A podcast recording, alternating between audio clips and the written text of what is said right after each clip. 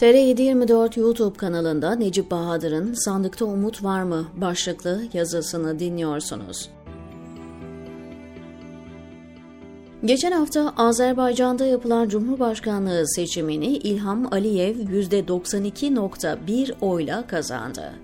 Agit usulsüzler tespit etse de sonuç sürpriz değil. Aliyev, Karabağ'da Ermenilerin işgal ettiği Azeri topraklarını geri aldı. Karabağ Fatihi olarak girdiği seçimleri kazanması son derece doğal. Normal şartlar altında girseydi de yine %90'ı bulurdu oyu. Türkiye'nin doğusunda yer alan ülkelerde demokratik rejimlerden söz edilse, çok adayla seçimlere gidilse de oran pek değişmiyor. Arap, İslam dünyasının en büyük ülkesi Mısır'da geçen yıl yapılan seçimlerde Sisi'nin oyları düştü, halkının %89.6'sının oylarını alabildi. Mısır'da da tek aday Sisi değildi. Seçimlere katılan başka isimler vardı. Sonuç orada da sürpriz olmadı. Rivayet olunur ki bir seçim sonrası batılı bir gazeteci Saddam Hüseyin'i tebrik ederken ne mutlu size, halkınızın %97'sinin oylarını aldınız, bir lider daha ne ister ki der. Ama Saddam o kadar mutlu değildir. Gazeteciye döner, Orta Doğu'da bir lider aldığı oya bakmaz. Öncelikle oy vermeyenlerin kimler olduğunu öğrenmek ister diye cevap verir. Eğer öğrenebilirse kendisine oy vermeyenleri ne yapacağı belli. Ya hapis ya sürgün. Yoksa ikna etmek gibi bir düşüncesi olmaz. Bugüne kadar dünyaya herkesin sevdiği ve benimsediği bir insan gelmedi. Peygamberler bile istenmedikleri için doğdukları toprakları terk etmek zorunda kaldı. Bu kadar yüksek oy oranı herhalde sevginin tezahürü değildir. Son dönemde Türkiye'nin giderek Orta Doğu'ya benzediği yorumları sık yapılmakta. Anadolu'nun hem kültür hem coğrafya olarak doğulu tarafı var. AK Parti'nin 20 yılı aşan iktidarı, Erdoğan'ın sandıkta yenilmezlik algısı her ne kadar Orta Doğu yönetimlerini andırsa da Türkiye bir Mısır, bir Azerbaycan değil elbette bütün devlet imkanlarını sonuna kadar kullanmasına, muhalif sesleri susturmasına, sivil toplumu yok etmesine ve adaletsiz yarışa rağmen %50 oyu güçlükle aşmakta. Her şeye rağmen karşısında %50'lik bir kitle var. Ülkenin yarısı yani. Yoksa Erdoğan'ın lider kalibresi olarak Sisi'den geri kalmaz. Uluslararası camiadaki popülerliğiyle Sisi'den çok önde olduğu söylenebilir. Doğu halkları popülerliği sever. Mısır, Azerbaycan bir yana Türkiye'nin trajedisi şurada. Çok partili demokratik sisteme geçtikten sonra rejim son dönemde geriye gitti. Siyaset tarihinde 1940'lı yıllar tek parti dönemi olarak nitelenir ve toplum nezdinde mahkum edilir. Sol partiler aradan geçen 10 yıllara rağmen hala o devrin bedelini ödemekte. Cumhurbaşkanlığı hükümet sistemi 1940'ların tek parti devrinden de geri. Bugün sadece tek parti değil söz konusu olan. Bütün güçlerin bir kişide toplandığı tek adamlık yürürlükte. Tüm günahı siyasetçinin sırtına yüklemek doğru olmaz. Her lider sınırsız güç kullanmak ister. Fakat toplum buna izin vermez. Sistem kendi içinde kontrol mekanizmaları geliştirir. Burada en büyük sorun toplumun umursamazlığıdır. Erdoğan gücünü kendisini kayıtsız şartsız destekleyen kitlesinden almakta. Liderden öte dinsel bir külte dönüştü ve kendi müminlerini oluşturdu. Güç bozar, mutlak güç mutlak bozar diyen boşuna söylememiş. Başarısız politikalara aldırmayan halkın desteği Erdoğan'ı da bozdu, sistemi de ve Türkiye'yi de tabii. İktidar olamayan liderlerin otoriter özlemlerini parti içinde gerçekleştirdiklerini unutmayalım.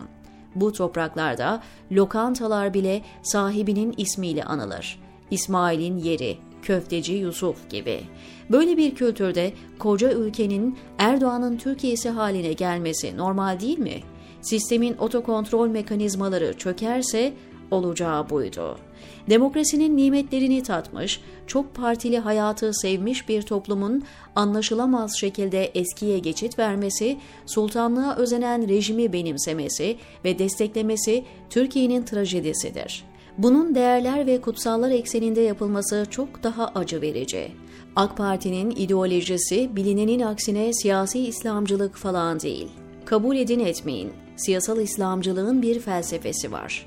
Erdoğan'ın devlete yüklediği anlam, muktedirliğe giden yolda izlediği yöntemler ve iktidarda kalmak için verdiği çabalar ne siyasetle izah edilebilir ne İslamcılıkla.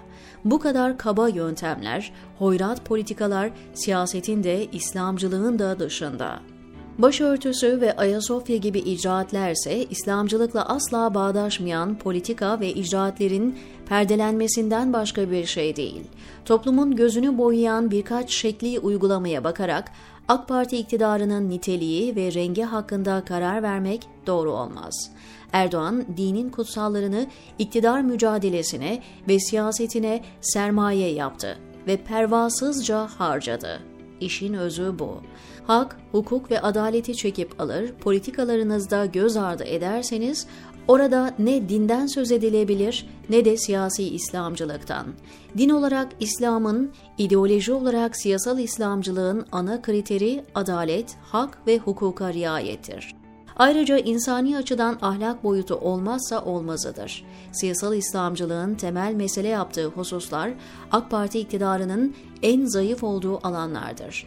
Başaramadığı değil, umursamadığı, görmezden geldiği değerlerdir. Adalet sınavına geçemeyen bir yönetimin İslamcılığından dem vurulabilir mi? AK Parti tabanı, milletvekilleri bile adalet karnesinin zayıf olduğunu kabul ediyor. Bugün yargıya güven Cumhuriyet tarihinin en düşük seviyesinde. AK Parti'nin yargı sistemi adaletsizlikte Orta Çağ Engizisyonu ve Cumhuriyet'in ilk yıllarındaki istiklal mahkemeleriyle yarışmakta. Mahkemelerde en temel haklar çiğnenmekte, usul hukuku bile delik deşik edilmekte. Bu tespitleri yapabilmek için mahkeme salonlarına kulak vermeniz ve sağır şeytan olmamanız yeterli. Bugün AK Parti ve kitlesi sadece dilsizleri değil, sağır şeytanları da bünyesinde barındırmakta. Adaletle değil, hapishanelerin çokluğu ve büyüklüğüyle övünen iktidar var karşımızda. Hangi dünya vatandaşı veya bir Müslüman siyasal İslamcı diye nitelenen AK Parti'nin gölgesindeki mahkemelerde yargılanmak ister? Emin olun, Erdoğan'ın tek söz sahibi olduğu AK Parti iktidarının siyasal İslamcılık diye bir derdi yok. Kaba siyasetle gücü kontrol etmek ve elinden kaçırmamak. Bütün mesele bu. Gerisi bu yola giden taşlardan ibaret halk nezdinde dinsel görüntü ve mesajlar, Ankara'da MHP ve Vatan Partisi gibi milliyetçiliğin sağ ve sol unsurlarıyla ittifak. Buna eski rejimin Kemalist damarını da ekleyin iktidarın röntgenini çekmiş olursunuz.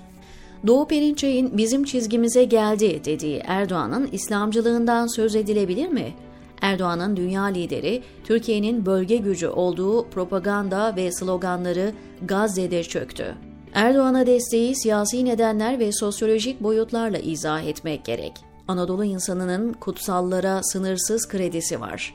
Adnan Menderes'in ezanı aslına çevirmesi, bütün hatalarını, yanlışlarını örttüğü gibi Erdoğan'ın dini retorik ve sembolik icraatları seçmenin temelini oluşturan muhafazakar kitlelere yetti.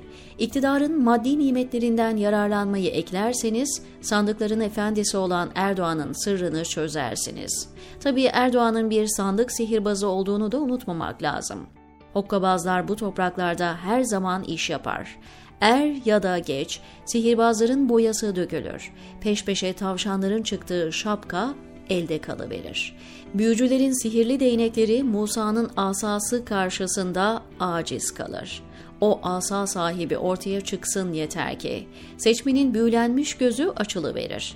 Dilsizler dillenir, sağırlar işitir. Metafizik boyutla izah tarzım değil aslında. Fizik iflas ettiyse ben ne yapayım? Fizik iflas ettiyse ben ne yapayım?